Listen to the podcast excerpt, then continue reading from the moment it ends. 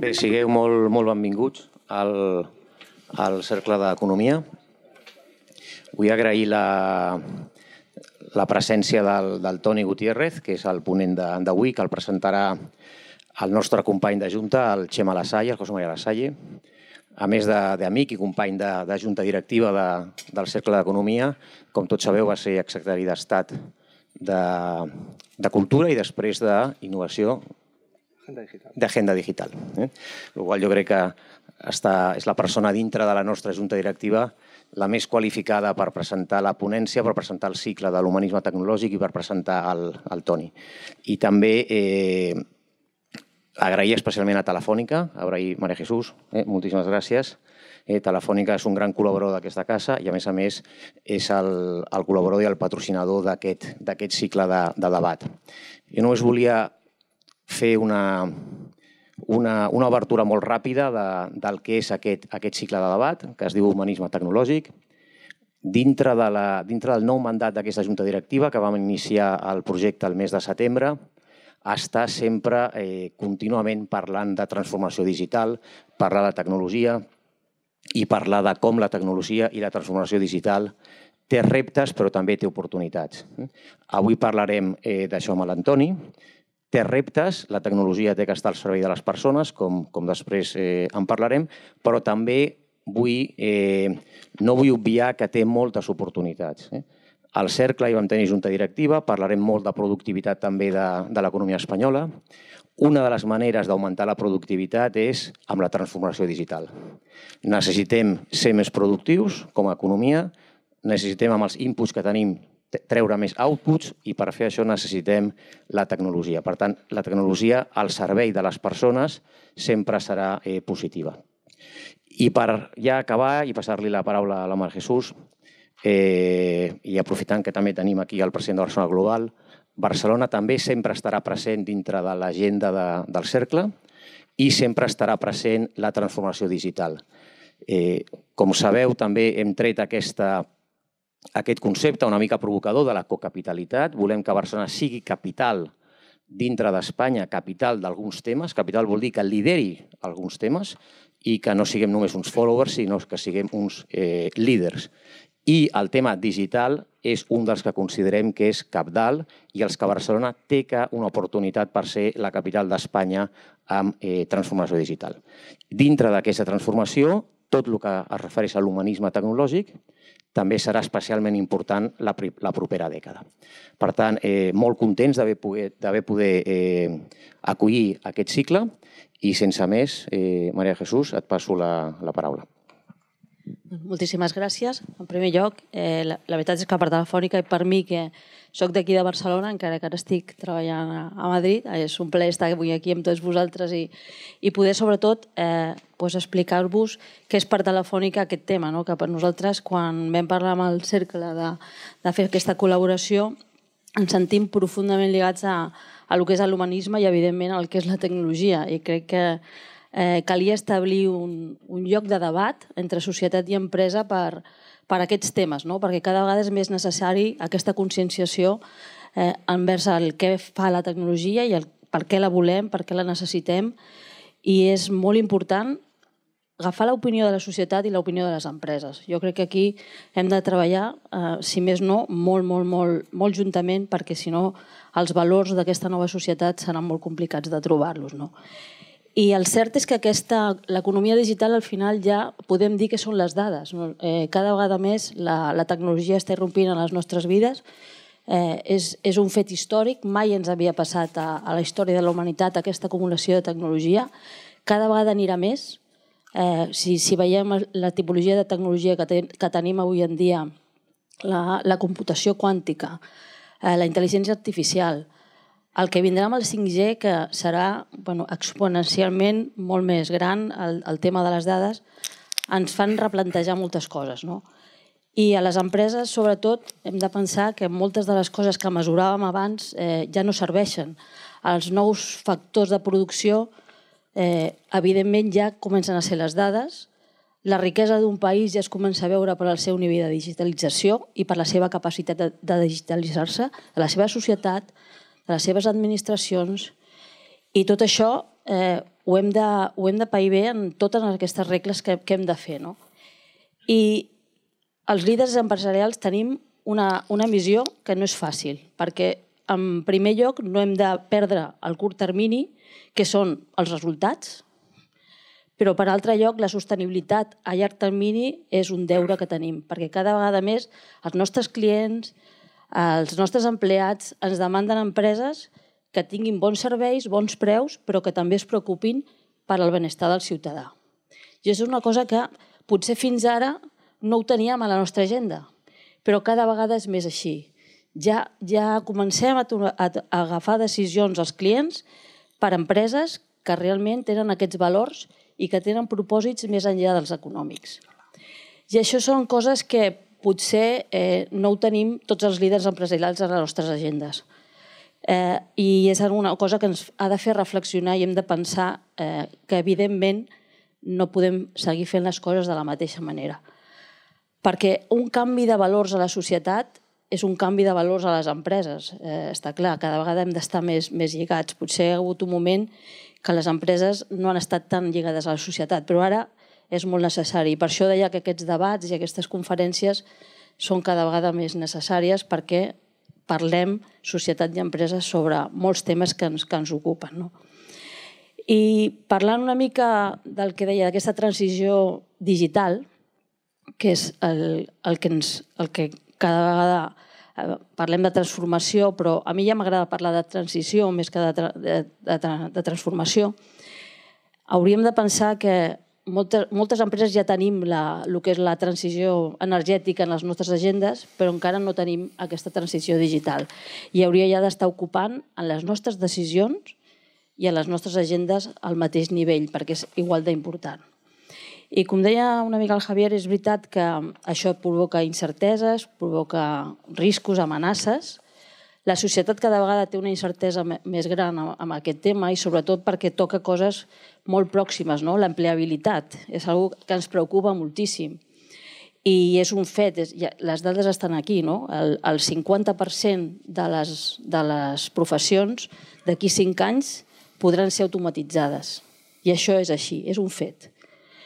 El 80% de les professions de 2030 no existeixen ni sabem les que són i també és un fet. Però això no ho hem de veure com una destrucció de, de, de les professions, sinó com una transformació a professions de més alt nivell i a professions de més valor afegit. I hem de treballar perquè així sigui. I aquí és on estem els empresaris i on estem la societat per treballar perquè això passi. Perquè si no treballem perquè això passi, no passarà. I la tecnologia no estarà per, perquè les persones visquem millor, que és per lo que hem de treballar. Per això nosaltres des de Telefònica som molt respectuosos amb els drets de les persones i, i defenem eh, una carta que parlem dels drets i obligacions de la digitalització i on nosaltres, el que per nosaltres és molt important no perdre, sobretot no perdre, tots els drets individuals que hem guanyat a la vida analògica per la vida digital. I és algo perquè estem treballant des de fa molts, molts anys. Per això, quan vam veure aquestes conferències, la, veritat és que vam dir això, això és una, és una proximitat molt gran al que estem fent, a la nostra missió dels últims anys. Nosaltres tenim una missió que, mm, de la que parlem i que de fet està en el nostre programa estratègic que es diu eh, pues, millorar la vida de les persones connectant-les amb la tecnologia. Aquesta és la missió de, de, de, de Telefònica, així que jo crec que, que millor que estar aquí en aquests debats i amb aquests experts que ens, que ens aproximin sobretot, i que ens facin veure que la tecnologia està per servir-nos i no al revés. Moltíssimes gràcies. Buenas tardes a tothom. Buenas tardes. Eh, la verdad es que Laia, eh, autoridades aquí presentes, eh, buenos amigos que hoy compartimos esta, esta experiencia inicial de proponernos una reflexión compartida sobre la oportunidad que Barcelona puede tener alrededor de convertirse en la capital global del humanismo tecnológico, que es una reflexión que, que es la que está detrás de, la puesta en marcha de este ciclo que, que iniciamos hoy y que básicamente, como ya se ha explicado y se ha explicado muy bien, lo que está buscando es fundamentalmente tratar de analizar cuáles son los retos humanísticos que nos está planteando la tecnología en estos momentos unos retos que vienen fundamentalmente de la mano de tratar de reconfigurar la capacidad humana para emanciparse de una tecnología que en estos momentos condiciona de una manera muy determinante todo lo que hacemos y todo lo que somos y que necesita encontrar las vías para definir un sentido a lo que nos está proponiendo. La tecnología realmente está adquiriendo una corporidad cotidiana que hace que comience a interpelar al ser humano. Está construyendo una nueva alteridad, que nos está diciendo qué sentido tengo a todo lo que soy capaz de hacer para ti. Y ese es un poco el reto al que pretende responder el humanismo tecnológico. ¿no? Un reto muy parecido al que se ha vivido en otros momentos de la historia, particularmente momentos en los que el poder que el hombre tenía para cambiar el medio desbordaba los parámetros sobre los que hasta ese momento se había configurado la manera de relacionarse el hombre con la realidad y que hoy, como sucedió con la revolución científica y el comienzo del Renacimiento, o como nos está sucediendo en estos momentos, se convierte realmente en una experiencia casi abismática que nos está interpelando de una manera muy directa a la esencia de lo que somos, a nuestra propia ontología. Y yo creo que eh, este ciclo lo que pretende es vislumbrar si es posible proponer una reflexión institucionalizada sobre el humanismo tecnológico a través de un proyecto, quizá de ciudad, que lidere Barcelona como una primera experiencia colectiva, global,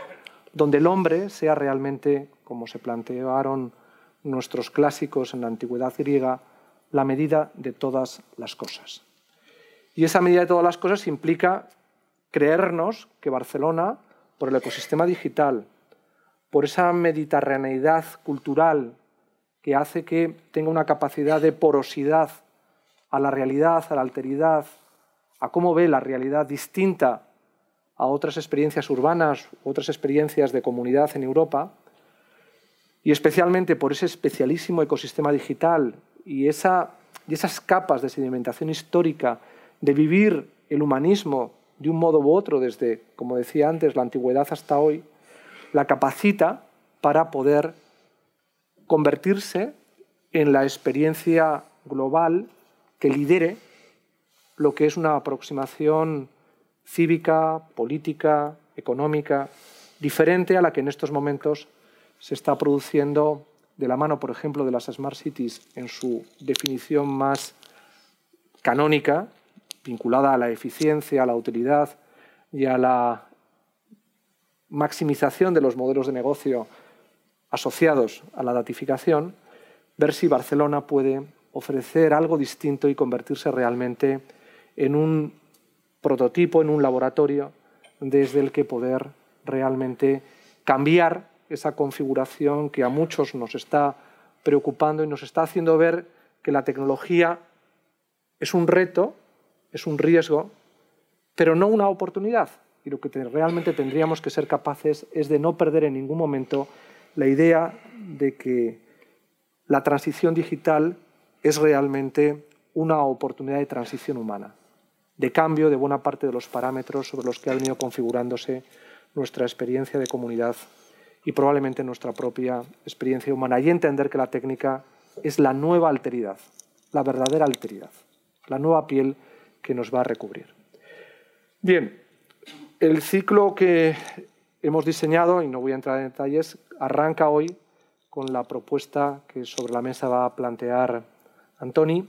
No voy a explicar quién es Antoni Gutiérrez Rubí, tan solo diré que es uno de los consultores y analistas políticos más importantes que tiene nuestro país, con una gran proyección en América Latina, donde ha alcanzado éxitos muy relevantes en cuanto a análisis y consultoría, en particular uno muy reciente de enorme trascendencia política para América Latina, porque habla nada más, y nada menos que de Argentina. No vamos a entrar en más detalles, pero es verdad que eh, desde hace tiempo, desde su consultora, está trabajando estos temas y la verdad es que creo que era la persona idónea para poder cartografiar esta propuesta que queremos hacer aquí desde el CERCLA de convertir a Barcelona en la capital del humanismo tecnológico si conseguimos alinear a todos los actores que me consta que de un modo u otro tienen interés en que esto sea así y brindar a Barcelona quizá el relato buscado desde hace mucho tiempo para poder seguir consolidándose como esa co-capital que con Madrid y colaborando con Madrid, no compitiendo con Madrid, porque la competencia sabemos que, por desgracia, muchas veces para todos es un planteamiento que provoca ciertas tensiones, pero en esa complementariedad conceptual, en ese diálogo que tiene que existir entre las capitalidades de nuestro país, Barcelona pueda tener una posición de relevancia que le devuelva el protagonismo que desde el resto de España muchos seguimos sintiendo que es urgente para reconfigurar también relaciones de poder que están desequilibradas y que necesitamos de alguna manera compensar con imaginación y sobre todo con mucha inteligencia política. Y dicho esto, porque el protagonista ahora mismo es Antoni eh, y el humanismo tecnológico sobre el que nos va a hablar y sobre Barcelona, pues le doy la palabra a Antoni y le agradezco eh, su participación hoy, su presencia y que arranque el ciclo y me consta que lo va a arrancar con intensidad y además con una propuesta muy interesante. Muchas gracias.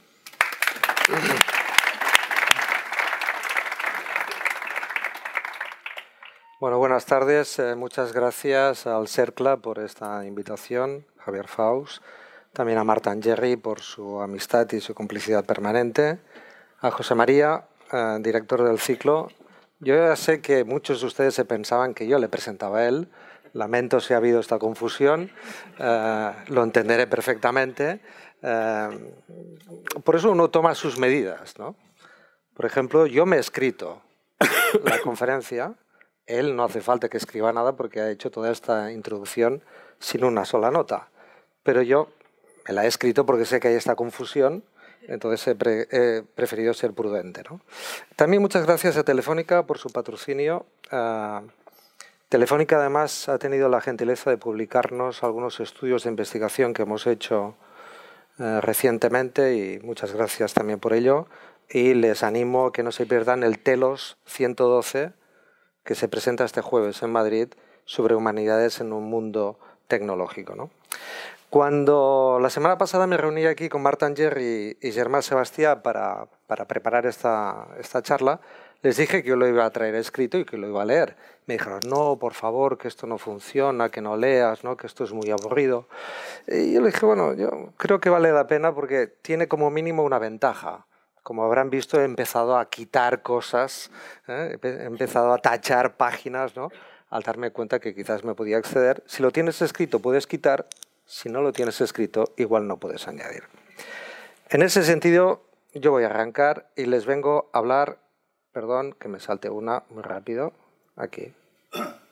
Les vengo a hablar de humanismo.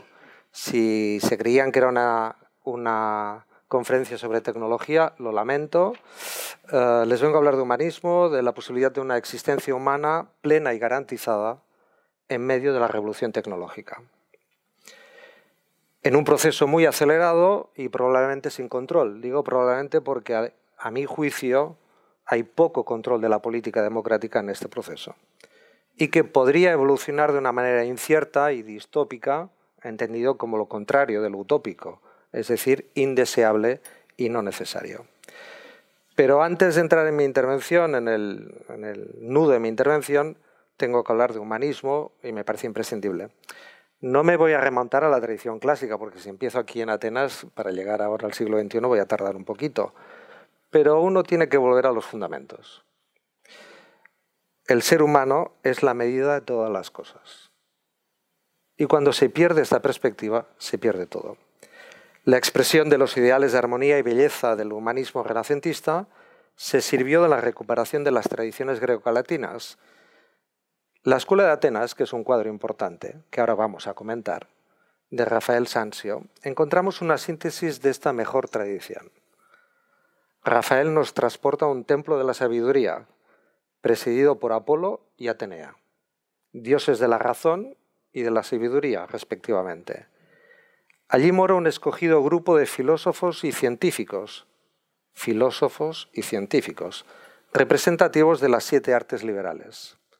Resaltan las dos figuras centrales, Platón y Aristóteles, como símbolos de las tradiciones filosóficas idealista y materialista. Aristóteles tiene un libro, Ética, una ética que no pretende ser una ciencia basada en el conocimiento abstracto, sino más bien una reflexión práctica y concreta sobre la vida humana en acción. No puedo hablar de humanismo tecnológico sin las fuentes y sin los clásicos. Y, como decía el poeta Josep Vicent Foix, sigueu moderns, llegiu els clàssics. No se alarmen que aquí acaba, digamos, mi excursión. No voy a hacer un, digamos, un repaso histórico, pero me parece que era importante, a mi juicio, hacer esta, esta, esta aproximación. Esta antropología ideal, que el Renacimiento después recupera y desarrollada por la Ilustración, vertebra nuestra modernidad y es codificada política y jurídicamente por el liberalismo, con las declaraciones de los derechos humanos como estandartes. De todo ello puede darnos una lección espléndida José María Lasalle. Como se puede leer en su segundo capítulo del, del libro, hay que leerlo todo, pero el segundo capítulo, de Ciber Leviatán, Cuerpos en retirada, y que les recomiendo fervientemente. Sin embargo, la experiencia histórica vivida por la humanidad nos alerta de las limitaciones y las contradicciones del idealismo. Sabemos que la condición humana es capaz de lo peor y de lo mejor, que el ser humano tiene sensibilidad moral, pero que también puede perderla. En definitiva, que no existe el ser humano perfecto. Bien al contrario, es la imperfección lo que nos caracteriza y la lucha por superarla lo que nos dignifica. Nos lo recuerda con lucidez Albert Camus. Y cito, sigo creyendo que este mundo no tiene un sentido superior, pero sé que en algo tiene sentido, y ese algo es el ser humano, porque es el único ser que exige el tenerlo. ¿Cómo traducir estos principios generales en nuestro momento actual? Que es lo que me pretendo hacer. Un momento en el que está en riesgo esta concepción del humanismo cívico de nuestra tradición moderna, más que en riesgo, en liquidación, según algunos eh, pensadores. Bauman dijo, uno de los grandes eslóganes del siglo XXI fue liquidar. Del siglo XX al siglo XXI fue liquidar, liquidar al judío, liquidar al enemigo de clase. Velemos porque el principal programa del siglo XXI no sea la liquidación del ser humano. Es pesimista esa apreciación de Bauman y se corresponde, creo, con bastante exactitud a la formulación de un utopismo tecnológico vinculado a la revolución digital. Un utopismo que reacciona de manera puritana contra la imperfección humana que le impide seguir el ritmo del progreso tecnológico. Así pues, en nuestra época, o en la época en la que estamos entrando titubeantes, esta disociación parece acentuarse a medida que somos conscientes que estamos dejando atrás un mundo conocido irreconocible por otro de incierto y ambiguo.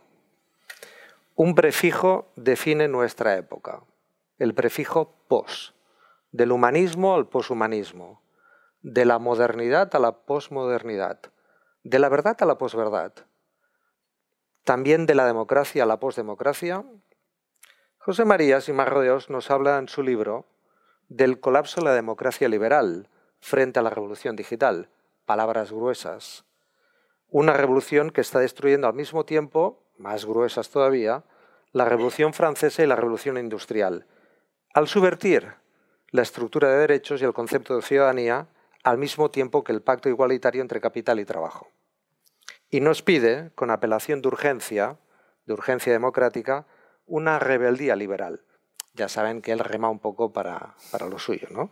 Pero nos pide una rebeldía. Yo añado una rebeldía liberal, una rebeldía democrática.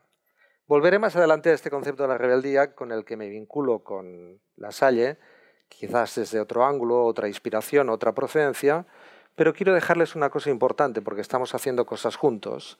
Lo importante creo no es de dónde venimos, sino a dónde vamos. Y en esto me voy a encontrar con José María. Los que están preocupados están muy preocupados. El filósofo alemán Marcus Gabriel es todavía más contundente que Lasalle y afirma que Silicon Valley y las redes sociales son unos grandes criminales, grueso de verdad, al considerar que la revolución digital está mitificada y que esconde una forma de dominación de unos humanos para dominar a otros humanos y no de las máquinas sobre los humanos. Ante esta amenaza, muchos pensadores, me añado humildemente, reclamamos que hay que politizar Internet, como propone Morozov, Eugeni Morozov. La red no como un mero instrumento, sino como un conjunto de infraestructuras para facilitar la vida, el trabajo y la cooperación. De ahí la vital importancia, creo que no se les escapa a ninguno de ustedes, de quién posee, regula y controla esas infraestructuras que constituyen la base material del futuro de la humanidad. Hasta aquí, digamos, mm, los gritos. Bueno, un, matiz sobre... Esta obra se llama El grito, pero no está gritando. Escucha un grito. Lo hemos sabido hace muy poquito porque encontramos un material de Munch en donde eh, aclara que lo que está escuchando esta persona al cruzar un puente es el grito de la naturaleza. No está gritando, es el grito de la naturaleza y se lo voy a dejar un poquito ¿eh? de acompañamiento. Eh, hasta aquí un poco la fase, digamos, más crítica en la que te incluyo, pero empiezan a haber algunos manifiestos, algunas, algunas ideas eh, que intentan darle la vuelta o verlo desde otra perspectiva. Por ejemplo, el denominado Manifiesto de Viena o la Declaración de Deusto sobre Derechos Humanos en Entornos Digitales o diversas iniciativas públicas y corporativas que están floreciendo entre la conciencia, la impaciencia y la alarma. Una de ellas, por su enorme importancia, es una carta conjunta, una declaración conjunta que líderes corporativos influyentes de Estados Unidos hace muy pocas semanas han firmado alrededor del humanismo tecnológico. Y esta semana, en la cita anual de Davos, se va a presentar, según anunció su presidente, el manifiesto Davos 2020, el propósito universal de las empresas en la cuarta revolución industrial. Cito un fragmento del manifiesto. El mejor camino hacia la comprensión y la armonización de intereses divergentes es la creación de valor compartido y sostenido. Una empresa es algo más que una unidad económica, generadora de riqueza. Atiende a las aspiraciones humanas y sociales en el marco del sistema social en su conjunto. Estas declaraciones de principios humanistas se reflejan adecuadamente en los proyectos urbanos que conocemos, se reflejan adecuadamente en los proyectos de innovación tecnológica que proliferan en todo el mundo, o si me lo permiten, más bien hay como dos grandes modelos, dos modelos antagónicos, de los que de su desenlace dependerá, yo creo que en buena parte, el futuro de la humanidad y creo que no exagero. Estamos hablando de ciudades laboratorio para la tecnología o ciudades de humanismo tecnológico qué ciudades y qué sociedades queremos. ¿Deberían las ciudades organizarse y funcionar como negocios? A esta pregunta intenta dar respuesta un libro muy, muy pertinaz y muy agudo, por título Cómo dirigir una ciudad como Amazon y otras fábulas. ¿Es este el modelo que queremos? Menos ficción y más real es lo que sucede ya en muchas ciudades en el mundo. Songo en Corea del Sur, Magdar en Emiratos Árabes, Cantón y Hansu en China, o la ciudad laboratorio de Toyota, o Toronto en Canadá. Son ejemplos de Smart Cities, que modelan gobernanzas prescriptivas que allanan el camino hacia quizás ese ciberleviatán que nos advierte la Salle, que nos convertirá en titulares de una libertad asistida, cómoda, confortable, segura, pero también de una ciudadanía sin retornos críticos. Por otra parte, las empresas están pugnando por el liderazgo de lo artificial, con apariencia real. Esta misma semana, por eso es tan relevante este ciclo, por la coincidencia de fechas, quizás ustedes saben que se ha producido la feria de electrónica más importante del mundo, la Feria CES. Allí una empresa ha presentado un sistema de inteligencia artificial en donde promete crear humanos artificiales mediante software. Lo que se ha mostrado en esta feria impresiona, impresiona muchísimo. Pantallas con personajes de aspecto completamente humano, completamente artificial, que interactúan como humanos, pero que son máquinas, que imitan y sustituyen y se comportan como humanos. Este es el estado de la cuestión. ¿Hay otro modelo posible? Yo creo que sí. Y va a depender en buena parte de todos nosotros. No porque hayan autoridades eh, municipales como Subirats y La Bonet aquí en la sala, no solo porque sea mi ciudad, no sea porque hacemos este ciclo en Barcelona, con, ah, auspiciados por el CERCLA y por Telefónica, pero sí que creo que hay otro modelo al que hemos presentado hasta ahora. En este contexto se inscribe esta propuesta de Barcelona, capital global del humanismo tecnológico, en la que muchos actores, algunos aquí presentes, públicos y privados, estamos tejiendo complicidades y compromisos. Espero que esto sea muy oportuno para Barcelona, para Cataluña y para España. No exagero. He citado antes a Laia Bonet, que escribió un artículo reciente, hace algunas semanas, algunos meses, ella es la tercera teniente de alcalde de Barcelona de Agenda 2030, Transición Digital y Coordinación Territorial y Metropolitana, con el título Barcelona lidera el, humanismo tecnológico. Y decía, humanizar la tecnología y poner, ponerla al servicio de las personas y la ciudadanía exige compromisos múltiples. Desde el Ayuntamiento de Barcelona estamos dispuestos a liderar estos debates con ambición y capacidad de escucha, Todas las voces son relevantes y creemos en el compromiso de todos los sectores para hacer posible que Barcelona sea la referencia global sobre los debates tecnológicos, como ya lo es en parte sobre los productos y servicios. A mi juicio, ha llegado el momento, es ahora y aquí. Pero no estamos solos. No estamos solos. Hay un montón de iniciativas como escuelas de negocio de alta reputación y un rico y diverso sistema de investigación universitario, la vitalidad de nuestro activismo sociotecnológico, muchas organizaciones de activistas por los derechos digitales, así como la capitalidad de startups o la capacidad de atracción de grandes inversiones en conocimiento, hacen de Barcelona la metrópolis perfecta para impulsar sin complejos estos debates éticos. Les he puesto esta imagen, que es muy conocida por todos nosotros, esta retícula perfecta de Serda, pero yo me voy a permitir darles un pequeño giro, si me lo permiten. ¿eh? A ver si me funciona. Sí, aquí. ¿De acuerdo? De aquí a aquí. Eh, como saben, este es el símbolo del hashtag.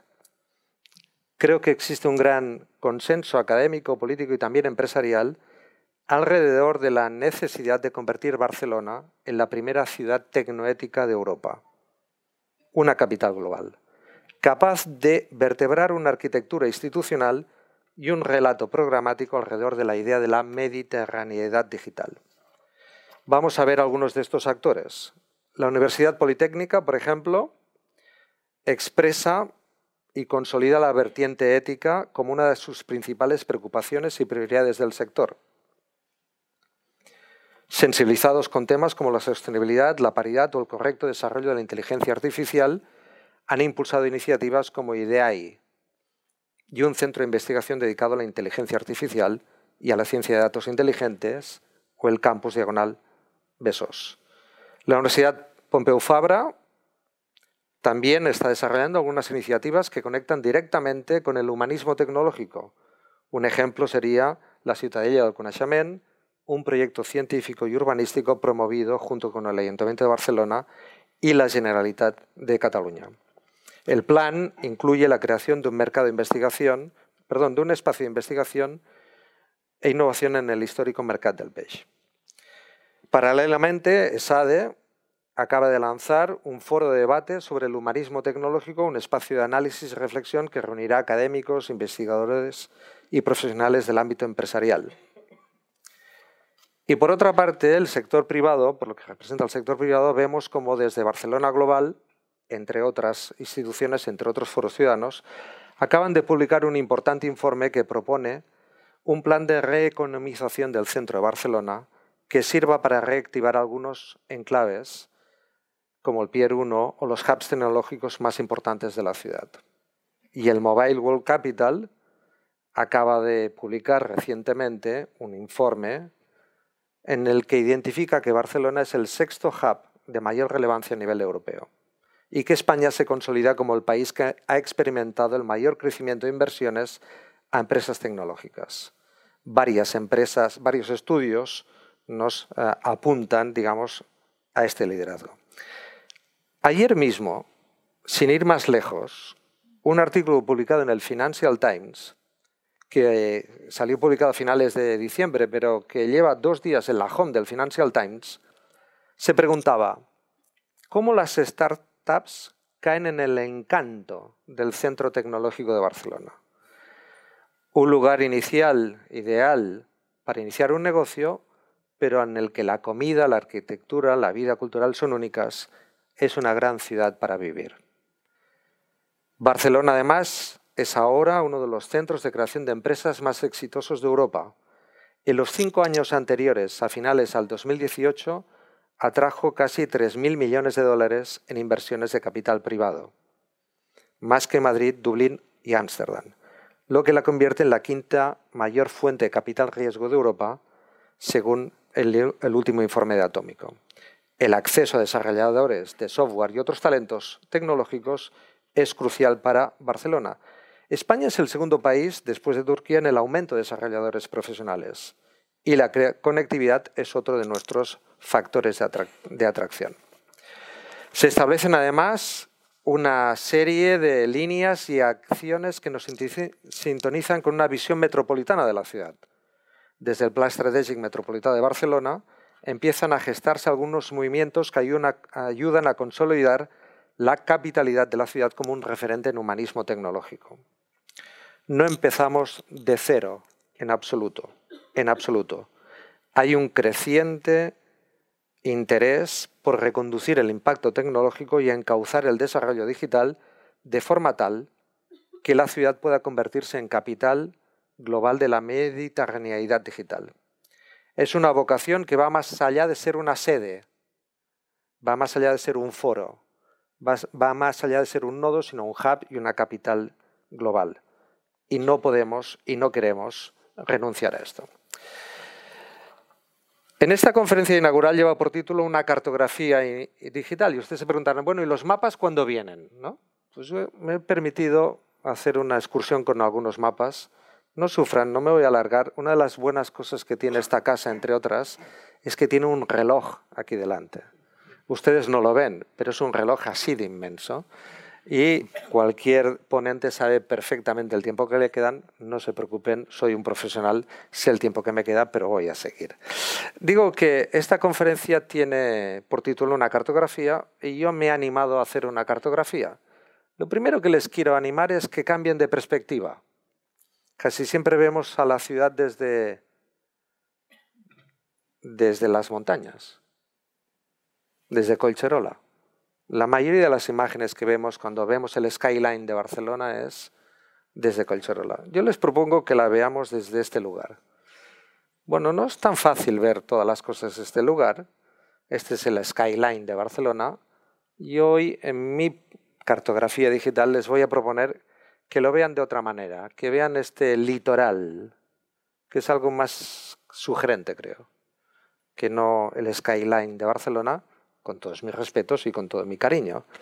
Eh, si, si, lo hacemos desde la perspectiva del skyline, me parece que vamos a poder ver, digamos, una disposición, eh, una cartografía que sin ánimo de exhaustividad ni exclusividad nos permita ver, digamos, otras cosas. Evidentemente, nuestro centro de la Vía Laetana, que aboca la, a nuestro puerto de Barcelona, hoy un espacio de 5G importante, rodeado de la feria, de los piers, de la estación de Francia, que cuando finalmente salgan las vías del tren va a ser otro espacio muy importante, Vía Laetana con edificios tan relevantes como Correos, por ejemplo.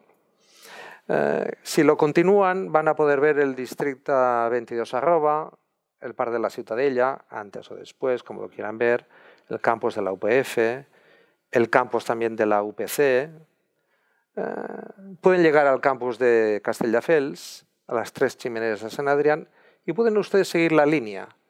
Me parece que un concepto de línea digital, de un skyline de línea digital, tiene un punto más armonioso con lo metropolitano, menos centrípeto y menos centralizado.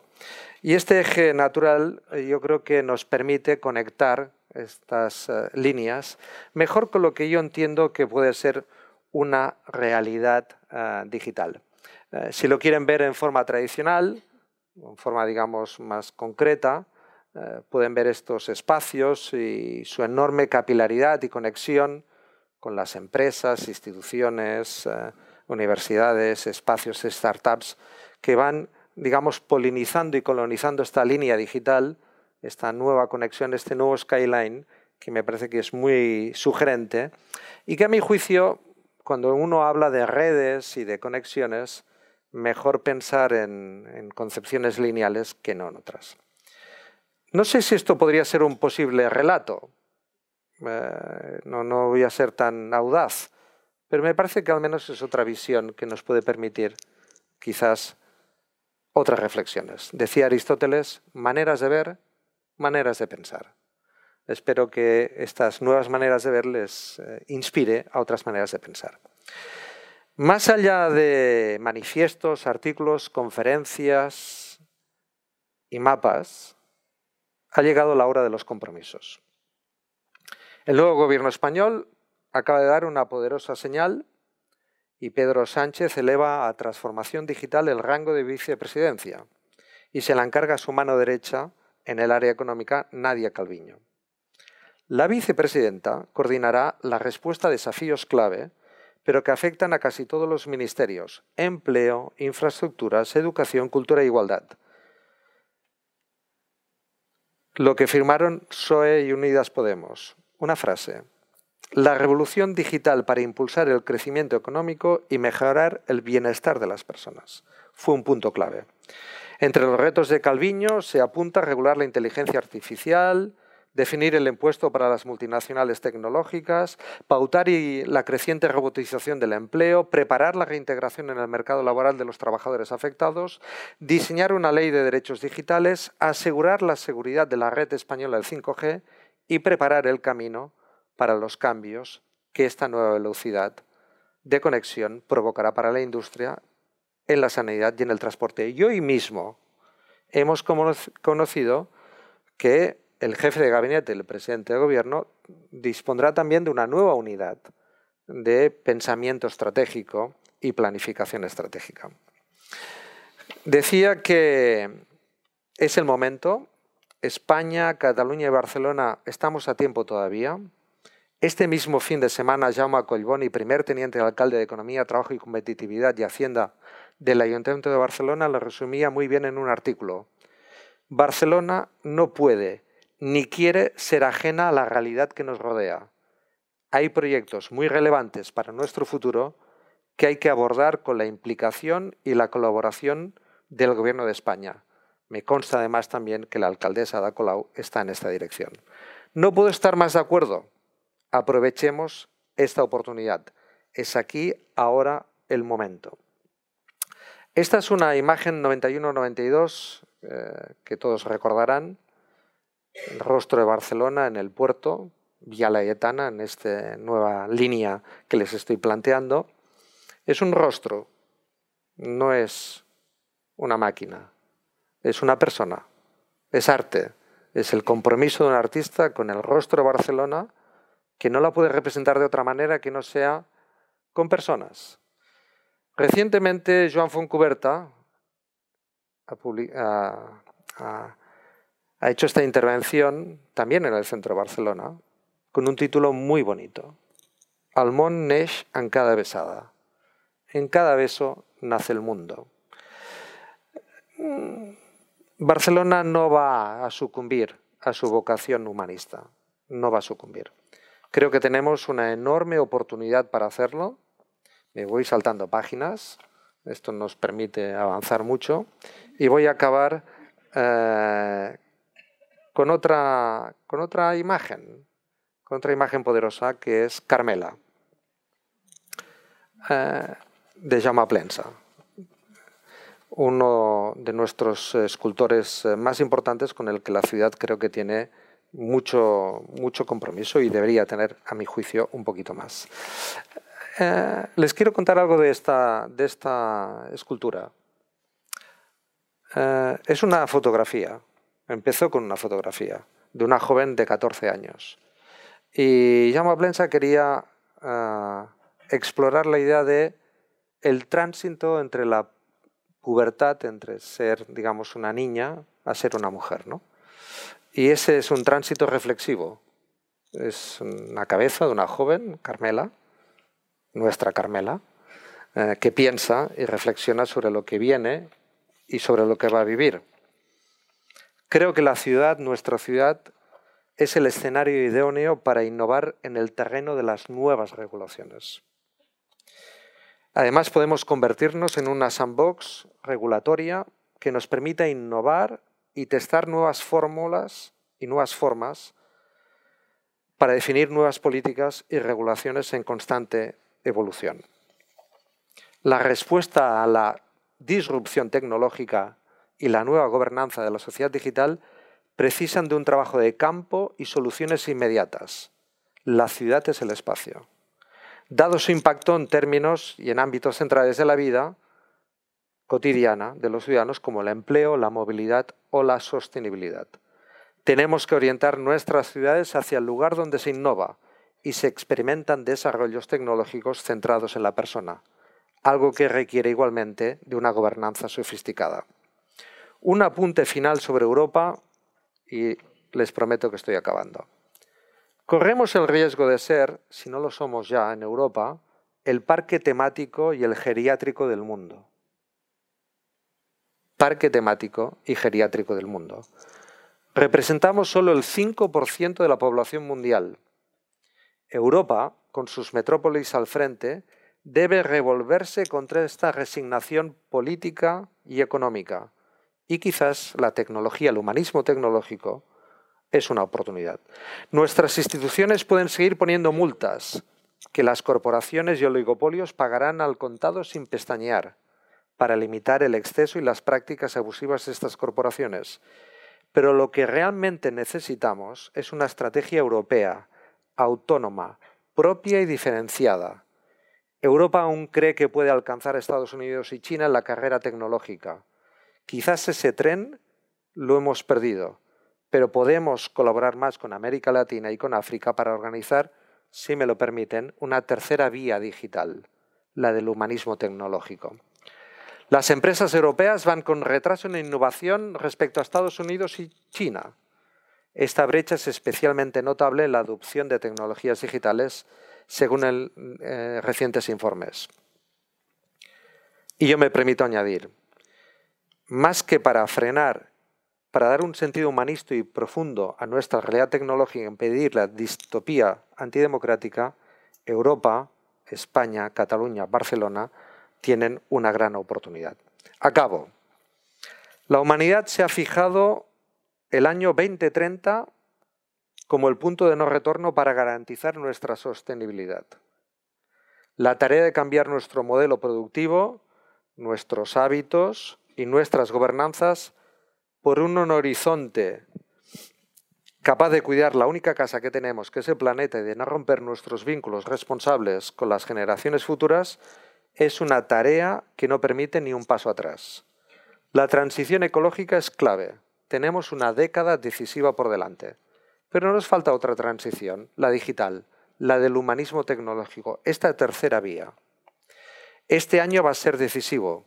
la transversalidad de la inteligencia artificial, la privacidad y ética en el uso de los datos, el crecimiento de los recursos de ciberseguridad son algunas de las conclusiones del tercer observatorio retina del país que ha apuntado sobre nuestra agenda pendiente.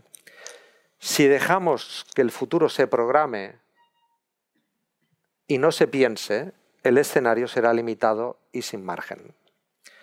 Transición ecológica para una emergencia climática y transición al humanismo tecnológico también para otra emergencia, la emergencia digital. ¿Exagero? No lo creo. Muy, probablemente ambas agendas deban y puedan retroalimentarse mutuamente para hacer que nuestra generación, y cuando hablo de nuestra generación es el tiempo que nos toca vivir, tengamos la edad que tengamos y, como decía Camus, sea la que impida que el mundo se deshaga o al menos que lo intente honestamente. Muchas gracias.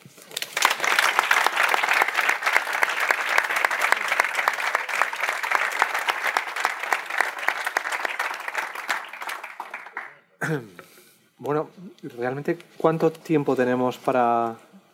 Son las ocho... Yo cumplí, ¿eh? Las ocho. ¿Y cuánto tiempo? Media horita para poder mantener un un diálogo. Eh, si podemos plantearnos algunas preguntas. Sí, ahí había un. Dígame. Pero en todo ello me encuentro a faltar una cosa que es el concepto de belleza. ¿Dónde está la belleza? ¿Me podría usted encuadrarla dentro de este sistema tan materialista que estamos trabajando? ¿Dónde está la belleza? Bueno, humildemente. Se ha perdido la belleza. El siglo pasado perdió la belleza. Y si algo tiene Barcelona, es algo de belleza. Si no mantenemos la belleza de Barcelona, perderemos el camino. Bueno, muchas gracias.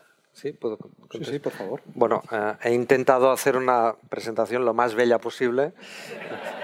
Estoy ahora con una depresión total, veo que no he conseguido ninguno de mis objetivos. Eh, en cualquier caso, eh, si me lo permiten, sé que ustedes se habrán dado cuenta que he empezado con una imagen en donde estaban protagonizadas por hombres y acabo con una con mujeres. Carmela y este, esta escultura, ¿no? Esta mujer y, digamos, esta distopía, digamos, posible, ¿no? Eh, la belleza y la fealdad están cerca, muy cerca. Depende de nosotros de cómo orientemos, yo creo que esta agenda que he intentado humildemente definir, que este ciclo va a definir, con, bajo la dirección de José María Lasalle, que espero que lo definamos entre todos, más allá de esta intervención inicial. Y sí, eh, si no optamos por la belleza del humanismo, seguramente vamos a tener problemas. Y Barcelona debe de reivindicar esa belleza del humanismo tecnológico. Yo por añadir solo una cuestión porque no me resisto. Hemos arrancado con la imagen de Rafael donde aparece Aristóteles con su ética. No hay ética sin estética. Y por tanto es evidente que el humanismo tecnológico tiene que reivindicar una nueva experiencia estética. El problema es cuáles van a ser los desarrollos estéticos que le permitan al ser humano volver a reencontrarse con la belleza, o con una evolución del concepto de belleza. Yo soy de los que cree que la transformación digital hasta el momento ha estado evidenciando sobre todo categorías que tienen que ver con los elementos más utilitarios que la tecnología como poder proyecta en relación con el inconsciente humano. Pero más tarde o más temprano la transvaloración se producirá y el ser humano tendrá que tratar por todos los medios de que el entorno que genere la tecnología, cuando se humanice, se convierta en algo evidentemente bello. También en algo evidentemente justo, también en algo evidentemente político y también en algo evidentemente ético.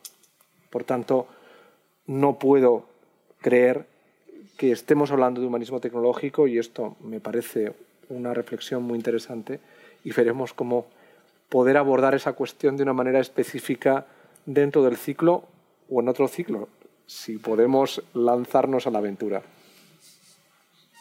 Eh, perdón, sí. Quería hacer una pregunta. ¿Qué pasos concretos tendría que dar Barcelona para no perder ese tren? ¿Qué es lo que tenemos que, entre todos, poner en marcha para aprovechar todas estas ventajas que podemos tener y no desperdiciarlas? ¿no? ¿Qué hemos de hacer?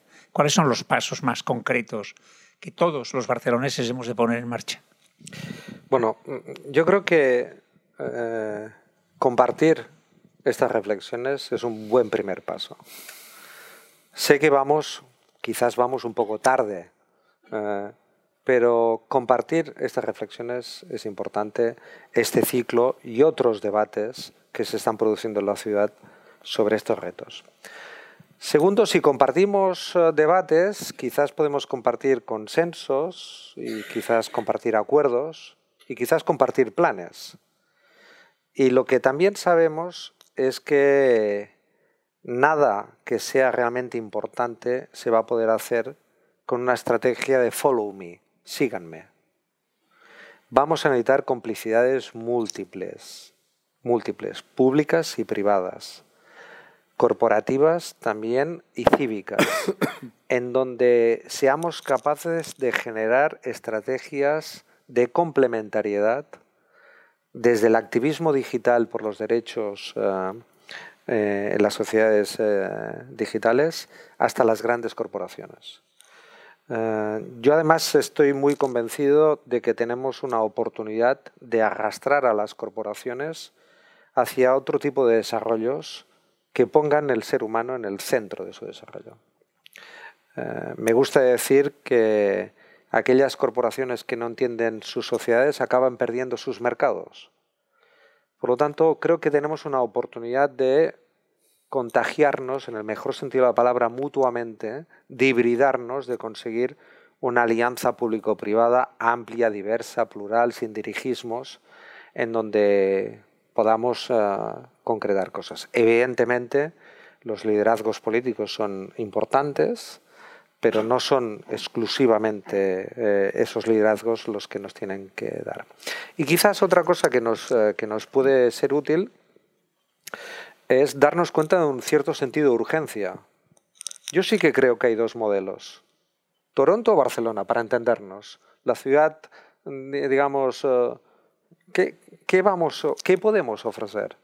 Y creo que Barcelona tiene, por su tamaño, por su por su ecosistema, por sus tradiciones, por su trayectoria, por su visión, la oportunidad de ofrecerse con humildad al mundo como un lugar, un foro, una sede, un hub, una capital, entre otras, del humanismo tecnológico, porque este va a ser el gran tema central de la próxima década.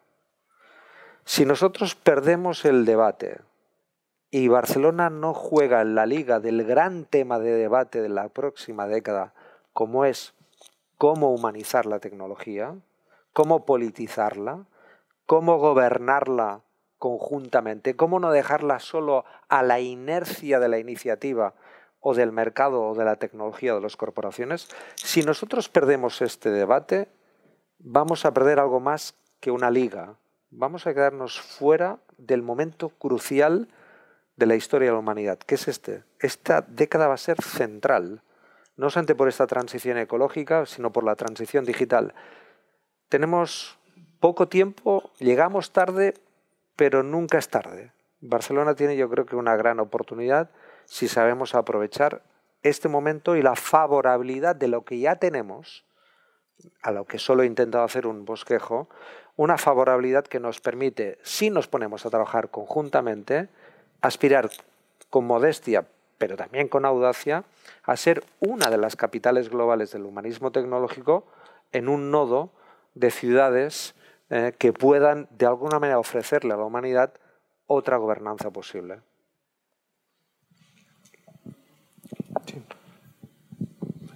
Bien, primero de todo felicitar, digamos, por esta inyección de optimismo eh, y me refiero concretamente en general pero en relación a Barcelona en cuanto, digamos, a ver que hay brotes verdes y, a esto me voy a referir.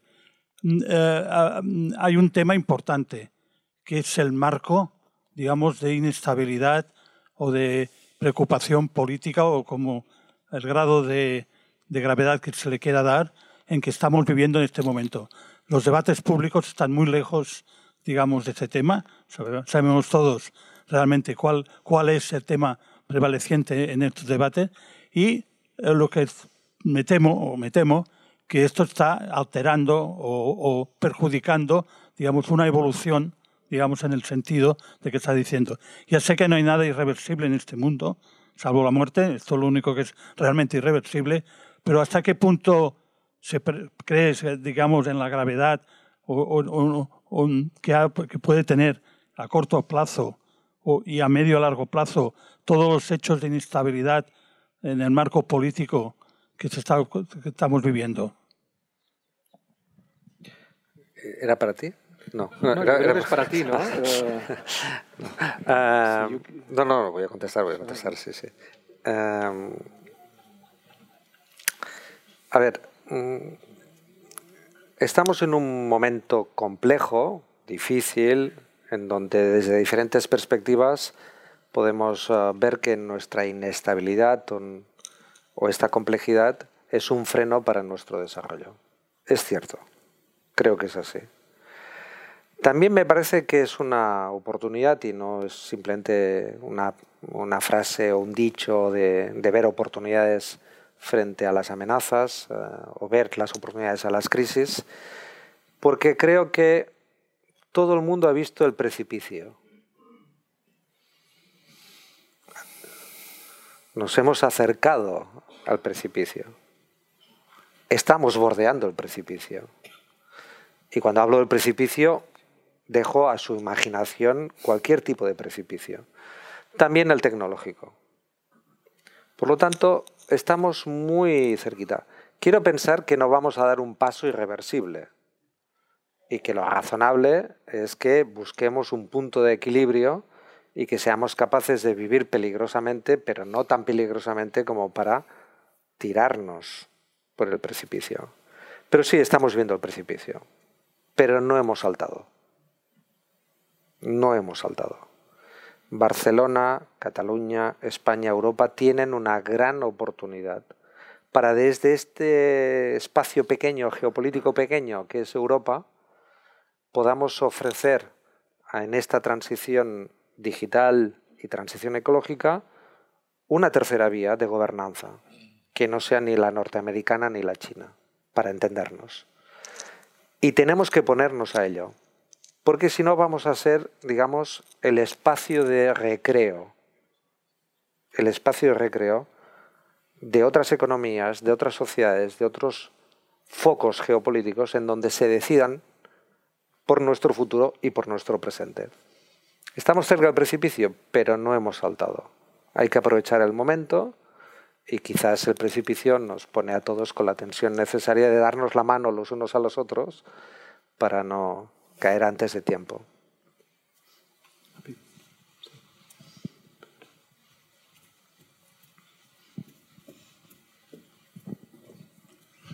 Muchas gracias por la conferencia. Ah, muchísimas gracias por mencionar a las universidades, por mencionar a la Politécnica, que es mi universidad, por mencionar mi centro de investigación, que es el IDEAI, eché en falta al Barcelona Supercomputing Center, que si hay algo que tiene que cambiar la forma en la que hacemos cosas digitales es nuestra supercomputación. Pero con lo que no estoy de acuerdo es con lo que se dijo al principio. Yo no creo que necesariamente todo tenga que automatizarse. Para eso estamos quienes hacemos la tecnología. Es un error pensar que todo será automatizado. Los que hacemos la tecnología pensamos en aumentar las capacidades de los humanos con nuestra tecnología. Queremos suplir algunas, algunos trabajos, pero no queremos suplirlos todos. Es absurdo que la gente quiera hacerlo así. Y claro, en eso viene una falta de regulación, una falta de, criterio del gobernante que no se fija que alguien, porque él no ha puesto el ojo en la tecnología, se está aprovechando de una manera ah, desmedida. No podemos pensar que hay un socialismo digital. Eh, lo que ha traído la digitalización ha sido un aumento en la brecha ah, económica entre los poseedores y manipuladores de los datos, que nunca han sido regulados porque los reguladores simplemente pasan, y tampoco tenemos que creernos a ciencia cierta este, ah, esta enfermedad repentina de ética que ha entrado a todas las empresas. Uno es ético siempre o no lo es. Luego se puede arrepentir. ¿eh? Santo Tomás ah, se arrepintió. San Pablo se convirtió cayéndose de un caballo. Pero en la gente que hace negocios con nuestros datos habría que pensarlo. ¿eh? Entonces, es cierto, tenemos que ah, motivar esta tecnología humanista, tenemos que reeducar a la gente, tenemos que volver a traer a la educación básica la ética, que ha desaparecido de, de nuestras instituciones en la secundaria y el bachillerato, porque si no, cuando llegan a las ingenierías, nunca hay cursos de ética, lo digo en, mi universidad, apenas hay cursos de ética. Ah, ¿Cómo les vamos a pedir que luego se comporten de forma ética? Y ya no pensemos en lo que le pasa a los políticos. Los políticos son analfabetos digitales. ¿Cómo van a poder regular el efecto de, de la tecnología? Y una cosa que me llamó la atención fue lo de los sandboxes. Es cierto, deberíamos crear los sandboxes, pero hay que pensar que uno de los grandes, uh, las grandes ideas de las grandes compañías para salvar las regulaciones son los sandboxes. Ya. Y eso también es peligroso. Esta gente uh, no solamente es muy inteligente, sino tiene mucho dinero. Y ese es el problema. Okay. Mi, mi, punto es el siguiente. Mm, siento que la política democrática tiene poco poder. Mm, estamos en una situación de debilidad para embridar un caballo desbocado que va acelerado y que casi no comprendemos. Hemos tirado mano de la normativa que tenemos para intentar embridar ese caballo. Una normativa desfasada que llega tarde, y que en la fase más eh, coercitiva y punitiva solo hace caricias. Las multas que hemos puesto es calderilla. En este sentido, voy a. Mi, reflexión es un poco, si quieren, audaz, pero la política puede recuperar, la política democrática, la capacidad de, de embridar este caballo desbocado desde tres perspectivas. Uno, aceptar que las corporaciones deben de autorregularse. Aceptarlo. Eh, es un ejercicio de humildad eh, duro, pero cuando no tienes capacidad regulatoria, tienes que pedirle a las corporaciones que limiten su poder. La autorregulación es importante. Si una compañía como Amazon toma la decisión de poner dos microcanales de cartón o tres en su packaging, define el mundo. Dos o tres. No lo define una norma estatal ni una norma global que no tenemos. Por lo tanto, necesitamos una política capaz de convencer a las corporaciones que la autorregulación es garantía de sostenibilidad y de continuidad de sus negocios. Un dato importante. Segundo, aceptar que necesitamos una complementariedad de legitimidades público-privadas como segunda estrategia, en donde la ciudadanía activa y activista se convierta en un, aliado extraordinario. Ciudadanos que antes de consumidores son ciudadanos, que antes de usuarios son ciudadanos. Por lo tanto, la política tiene que abrazarse a la ciudadanía comprometida. Tercera estrategia. Hay que avanzar todo lo posible en el fortalecimiento normativo global. Todo lo que podamos. Y por lo tanto, si hay una oportunidad para desarrollar nuevas normas y explorar constituciones digitales globales, hagámoslo. pero reconozcamos que no podremos embridar este caballo desbocado sin una estrategia un poquito más inteligente, menos arrogante, un poquito más humilde, porque no tenemos la capacidad, ni el tamaño, ni la dimensión, ni los instrumentos para obligar que pongan dos o tres microcanales. No la tenemos. Hemos perdido esa capacidad. Pero no hemos perdido nuestra capacidad de convencerles, de complementarles, condicionarles y de regular normativamente para generar mejores condiciones para todo el mundo. Por lo tanto, esta es eh, mi, reflexión eh, y creo que, eso es una oportunidad. Que es una oportunidad. Em, solo voy a poner un.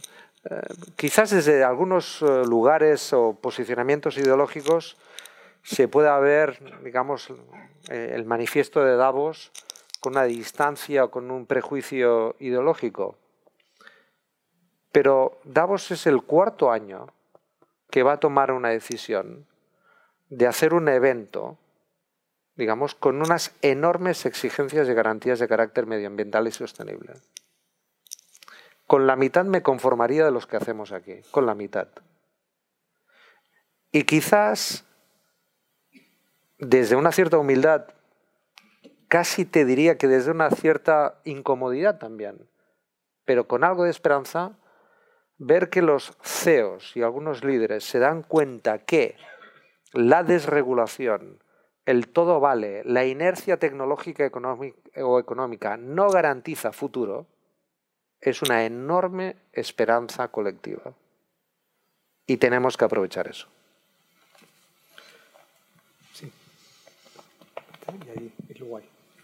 Presidente. Este caballero. Presidente. Eh, gracias, Antoni, gracias, José María, por esta reflexión tan sugerente. Cuando le acabe me pondría a tomar las notas en la libreta de notas. Eh, yo te quería llevar un poquito más allá de donde has centrado tú esta reflexión sobre humanismo tecnológico.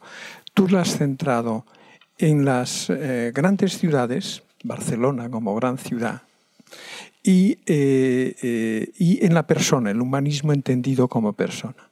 Y yo te querría llevar eh, reflexión un poco más allá de la ciudad, al territorio, a las comunidades territoriales y del humanismo centrado en la persona al humanismo también centrado en la sociedad, que no es exactamente, o al menos tiene dimensiones diferentes. ¿Por qué te lo digo? Permíteme que te explique por qué. Eh, hoy, eh, em, entre los economistas, hay un debate muy bonito, muy intenso, una especie de autocensura que nos estamos haciendo eh, por el hecho de intentando explicar qué es lo que está ocurriendo en nuestras sociedades y en nuestra política mm, democrática, en las sociedades capitalistas liberales. Y hay un consenso creciente de que lo que nos está ocurriendo es que en los últimos 20, 30 años eh, hemos centrado, hemos focalizado el esfuerzo intelectual y político en eh, el mercado y las virtudes del mercado y en parte también en el Estado. Pero nos hemos olvidado del tercer pilar de la prosperidad, que son las comunidades territoriales, las pequeñas ciudades. Hay un libro precioso que espero que salga inmediatamente en castellano, de Rajuran Rajan, uno de los mejores economistas, que se llama así, El tercer pilar de la prosperidad, cómo los mercados, como el mercado y el Estado han dejado atrás la comunidad y es una explicación de parte de un economista tan prestigioso como este y liberal de la Escuela de Chicago, de por qué ha ocurrido lo que ha ocurrido en Estados Unidos y en el Reino Unido. Por lo tanto, con esto quiero decirte, hay que llevar un poco, tienes que llevar esta reflexión también al ámbito del territorio, por decirlo así, versus la ciudad, versus la, la gran ciudad especialmente, porque creo que es muy, muy determinante. Y en segundo lugar, también llevarlo a la sociedad, no como algo distinto a la persona, pero algo que va más allá de la... Polanyi en el año 44 venía a decir que lo que nos había ocurrido ¿no? hasta las dos grandes guerras mundiales es que un poco la utopía liberal ¿eh? Eh, se había centrado exclusivamente también en el bienestar del individuo y que cuando haces eso acostumbras a dejar muchos individuos atrás, pero que si redescubres la sociedad, entonces tanto el pensamiento intelectual como las políticas puedes también orientarlas a la sociedad entendida como aquella parte de individuos que tienen el riesgo de quedarse atrás o de quedarse en la cuneta como consecuencia de los cambios técnicos. Acabo. Yo mi sensación, lo que estamos viviendo, soy además de economista e ingeniero, por lo tanto tengo cierta afición por la tecnología, eh, lo que nos está ocurriendo no es nuevo, por mucho que lo vivamos nosotros ahora con especial intensidad. Y mirando hacia atrás, a la anterior revolución industrial, yo creo que el reto fundamental es acompañar el cambio técnico con la adaptación social a ese cambio. Y en aquellos momentos en que veamos que la capacidad de adaptación social, lo que antes se decía, eh, no va a la misma velocidad del cambio técnico, soy más favorable de eh, pausar el cambio técnico a la espera de que las sociedades puedan actuar. De lo contrario, volveremos a tener a mi juicio. Pero la pregunta era llevarte un poquito esa, ese concepto tan sugerente de humanismo tecnológico, sacarlo un poco fuera de la ciudad también y fuera del, del individuo para llevarlo a, al conjunto de, del país y a, del territorio y de la sociedad. Gracias. y insisto, es muy sugerente. Gracias. Agradezco el empujón y me encanta que me empujen en esta dirección. Ah, yo venía también con, con intención, digamos, de, de, apuntar a Barcelona. Ah, pero dos reflexiones sobre que esta transición digital y este humanismo tecnológico nos va a modificar nuestra concepción del límite y del territorio. Nos lo va a modificar radicalmente. ¿Dónde empezamos y acabamos? Entonces me parece que, los límites y los territorios ah, y las competencias administrativas asociadas a límites y territorios no son capaces de entender digamos, la, eh, digamos, la dimensión orgánica casi de ser vivo que tienen ya hoy los territorios y las economías.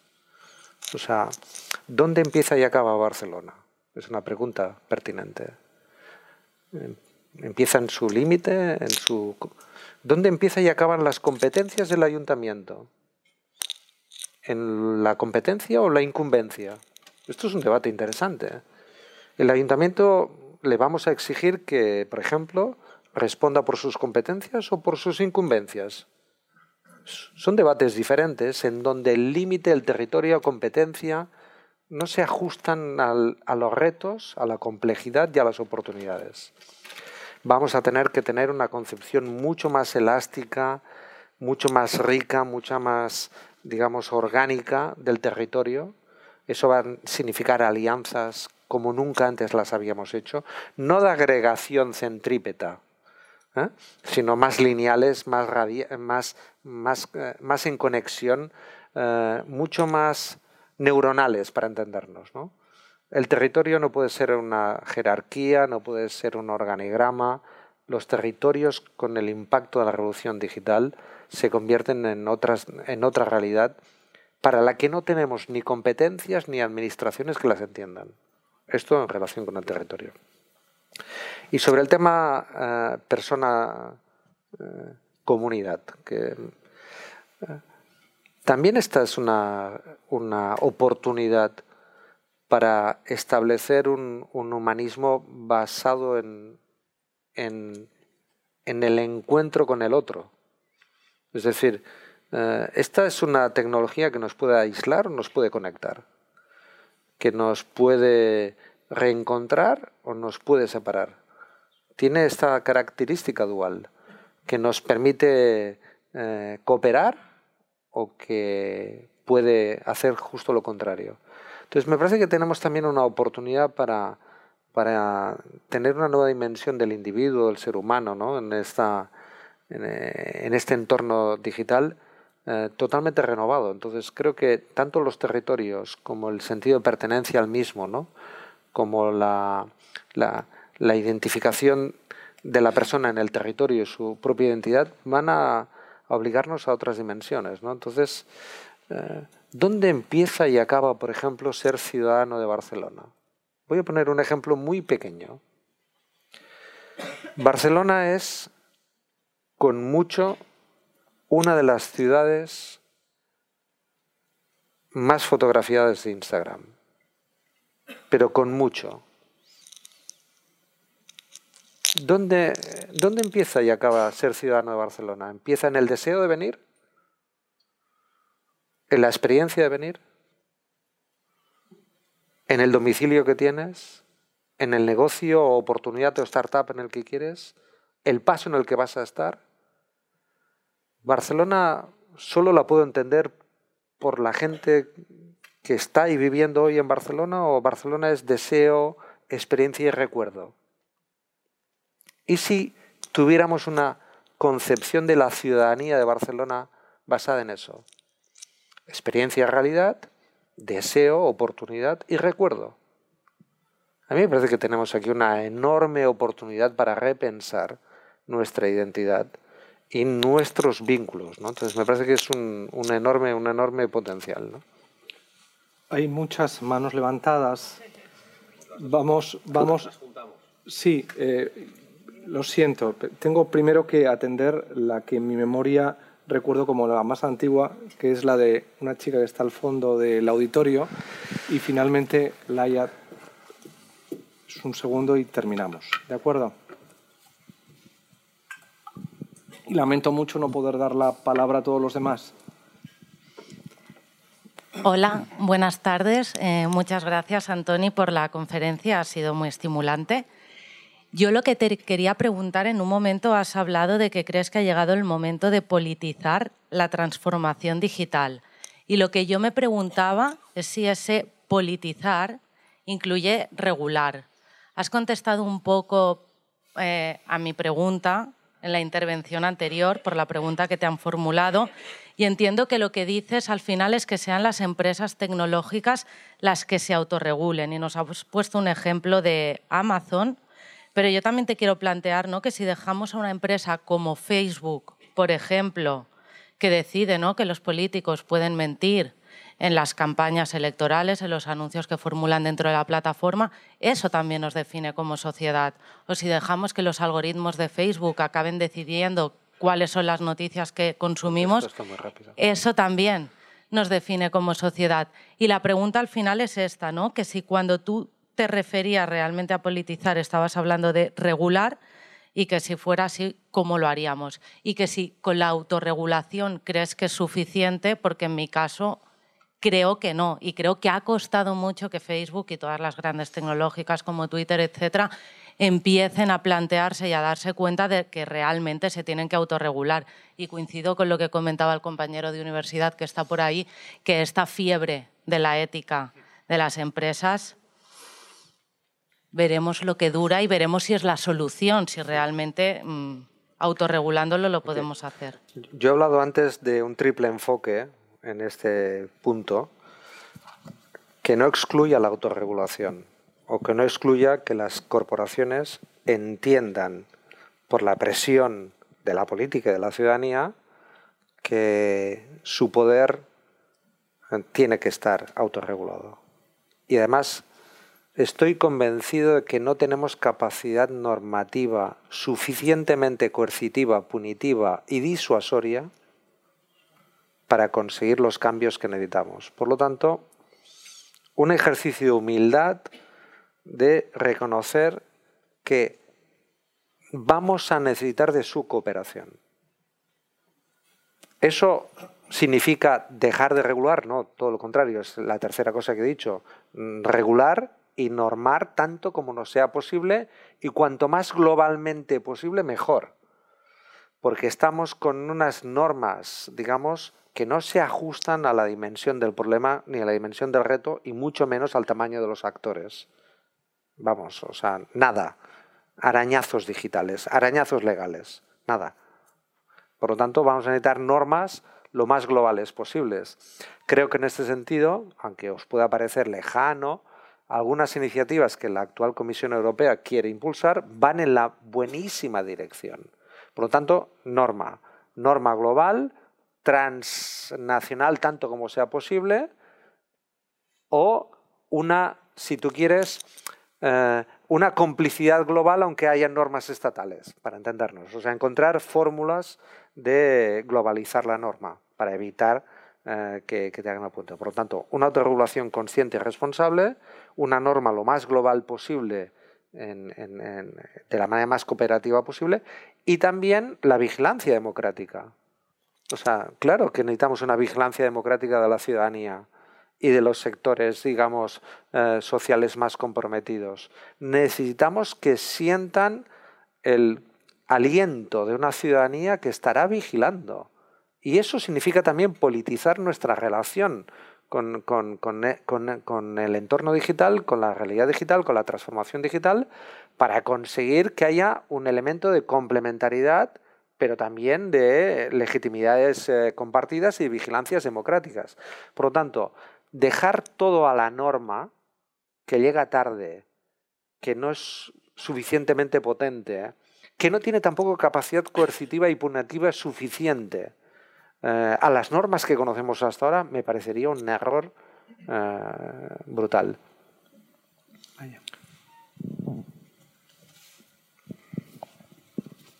Sí, yo muy brevemente, porque de este tema hemos hablado ah, con, vosotros, José María, Antoni, y también con Javier, ah, pero dejarme empezar por donde quería felicitaros por... por ah, por, el contenido, por la propuesta, por la importancia de que se plantee en un sitio como este. Por, por lo tanto, la felicitación se extiende a, todos aquellos que lo han hecho posible, eh, empezando por, el CERCLA y, también, evidentemente, por quien patrocina el ciclo, que es Telefónica. pero dejarme eh, mm, trasladar aquí, aunque nosotros lo hemos trasladado o nos lo hemos dicho en, otras ocasiones, eh, que desde el Ayuntamiento de Barcelona mm, Uh, somos absolutamente conscientes de la importancia de este tema, que queremos participar en eso, que queremos que Barcelona sea el sitio donde um, um, todos aquellos que se planteen la importancia de reflexionar sobre la, la necesidad de que uh, la tecnología la, la visualicemos como algo definitivamente cercano a la persona y por lo tanto humano, uh, vea en Barcelona un sitio donde establecerse, donde ese debate esté presente y por lo tanto sea fácil participar en ello digo desde el Ayuntamiento de Barcelona, pero somos conscientes, y aquí hago especial énfasis en eso, que como habéis dicho, más allá de nuestras competencias, uh, nos incumbe este tema y queremos estar en esa mesa, pero no somos... Uh, um, no somos ingenuos. En esa mesa tiene que estar todo el mundo que quiera participar en este debate, público, actor público o privado, porque es la única forma, dada la dimensión del reto, que podamos afrontar algunas soluciones a la altura de la dimensión del reto. Por lo tanto, queremos estar ahí. Ah, lo que nos gustaría es que Barcelona fuera un sitio muy atractivo para todo aquel que se plantee intervenir en este debate, tener un rol relevante en ese debate, participar en este debate, pero dejarme también subrayar algo que ha aparecido también en vuestras intervenciones, tanto en la mención al sandbox, y coincido evidentemente con la, con la alarma que despertabas, pero tanto en la mención como en la sandbox, como ah, en tu intervención que hablabas del laboratorio, más allá de la reflexión, nos gustaría y mucho que Barcelona ya sirviera de laboratorio para empezar a aterrizar proyectos concretos que trasladaran esa, esa reflexión a la realidad. Y por lo tanto que podamos ya, desde ese punto de vista, también ofrecer la ciudad como un sitio donde empecemos a cambiar esa relación entre eh, mm, sociedad y tecnología. Y yo creo que eh, somos muy conscientes de que eso va a ser un trabajo eh, que va a llevar mucho tiempo, pero que cuanto antes lo empecemos, y eso evidentemente tiene mucho que ver con la, con la gobernanza que, de la que hablabais, pues mm, más preparados estaremos para, para intentar dominar esa, esa, esa, deriva que si no, pues se nos puede llevar por delante y que si no nos obligará a hacer reflexiones como las que hacías, de, no, como las que hacían en ese caso Antón, ¿no? Antón Costas, de vamos a intentar controlar sino la velocidad a, la que adelantan las cosas, porque si no nos vamos a quedar atrás como sociedad. ¿no? Que no tengamos que llegar a eso ah, y desde el ayuntamiento en todo caso, como ya hemos tenido ocasión de hablar, estaremos eh, interesados en participar en eso y en promover que cuantos más actores públicos y privados, Estado, Generalitat y todos cuantos quieran participar, pero también sociedad civil, ah, empresas y, ah, y, todas las organizaciones que piensen que puedan aportar tanto reflexión como proyectos concretos, podamos estar sentados en esa mesa. Gracias de nuevo por, la, por las pues, propuestas. Muchísimas Muchísimas gracias a todos los que habéis participado con vuestras preguntas. Lamento mucho no haber podido tener más tiempo. Gracias, Antoni, por tu reflexión. Yo solo voy a terminar con una breve idea, y es la siguiente. Eh, Barcelona es en sí mismo un territorio que, como tú lo has descrito a través de la imagen de una línea, le plantea una porosidad estratégica con el Mediterráneo. Una parte fundamental de la transformación digital gira alrededor de la innovación y la innovación es diversidad. Y en la diversidad, en el siglo XXI, está el conflicto, está la tensión, la alteridad que no es capaz de gestionar las dificultades de la convivencia. Barcelona, cabecera y ciudad que se asoma especialmente al área geográfica más diversa del planeta que es el Mediterráneo, que tiene además las capas de memoria histórica más profundas y más intensas alrededor de lo que es la diversidad y lo que es el conflicto, tiene una oportunidad única, porque ninguna, ninguna otra ciudad de espacios parecidos puede asomarse con la intensidad que tiene Barcelona esa diversidad y lo hace con un ecosistema digital extraordinario con una experiencia de ciudad extraordinaria, con una capacidad de reflexión, de aproximación a la política extraordinaria. Esta es una sociedad con unas cualidades y unas competencias y unas habilidades y en un espacio extraordinario. Entonces, no ver la oportunidad estratégica de hilvanar un relato que permita realmente convertir a Barcelona en la experiencia de liderazgo sobre la que reconstruir lo que estamos hablando, de cómo evitar tardar 100 años en hacer justa la revolución industrial, porque es lo que media entre el inicio de la revolución industrial y la aparición del estado del bienestar después de la Segunda Guerra Mundial, 100 años de revoluciones, de conflictos, de luchas sociales, precisamente también porque el Estado o los instrumentos políticos no tuvieron la capacidad de comprender que tenían que tomar medidas, impulsar decisiones, liderar cambios, y eso es lo que en estos momentos yo creo que Barcelona, y no veo ninguna otra ciudad, y lo digo desde el corazón y desde el sentimiento más profundo, tiene esa capacidad. Pero hay otras ciudades, y eso también no se ha dicho, pero a mí me gustaría ponerlo sobre la mesa, que comprenden que el humanismo tecnológico es también una oportunidad de relato pero no tiene las condiciones, ni tiene las condiciones de Barcelona. Dejarnos arrebatar eso creo que sería un error estratégico, político, de ciudad, de sociedad civil, de tantísimas cosas, de empresariado, de universidad, de tantas cosas, que me parece que esta ciudad, con la experiencia casi, bueno, no, la experiencia milenaria que tiene detrás, no podríamos permitirnos asumir, sobre todo porque otras ciudades como Toronto, como Londres, por tamaño, o como Madrid, pues por falta de diversidad, no tendrían capacidad para competir y sobre todo para ofrecer las utilidades que para todos podría tener que este laboratorio funcionara bien con un relato como el que aquí estamos planteando. Dicho lo cual, pues nos emplazamos para la siguiente reunión y muchísimas gracias a todos.